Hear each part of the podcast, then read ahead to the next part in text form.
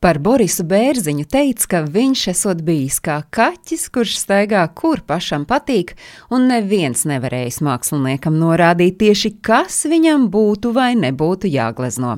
Mākslinieks izmēģināja gandrīz visas iespējamās tehnikas - eļļas un akvareļa gleznojumus, kolāžu veidošanu, zīmuli, ogles, spāvas, tušas un pat lodīšu pildspalvas zīmējumus, un viņa radošais dabums ir ļoti bagāts. Viņš radījis ap 300 140 gleznu, 293 zīmējumus, vairākus akvareļus, pasteļus un simtiem uzmetumu un skiču.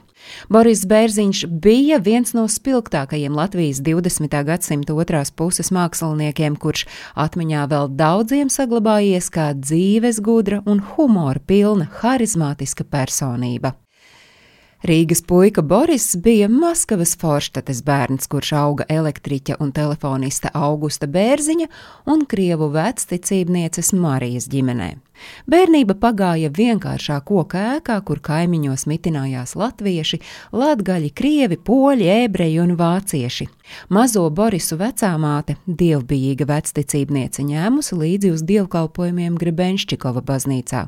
Tur zēnu netik daudz aizrāvis dievkalpojums, cik dievnama interjers un svētbildes. Tēvs gan bija cerējis, ka dēls kļūs par mūziķi, jo pats brīvajā laikā spēlēja ģitāru. Tomēr pamanījis, ka puikam patīk vērot, pārdomāt redzēto, piefiksējot zīmējumos, tētis sācis nest mājās mākslas grāmatus un žurnālus.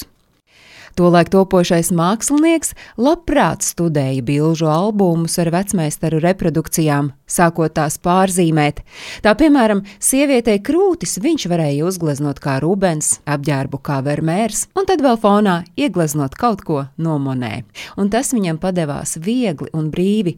Tobrīd Boris gan vēl nebija nolēmis kļūt par mākslinieku. Tā vienkārši bija rotaļa, un arī ne zīmēt, ne gleznot zēnam neviens nebija mācījis.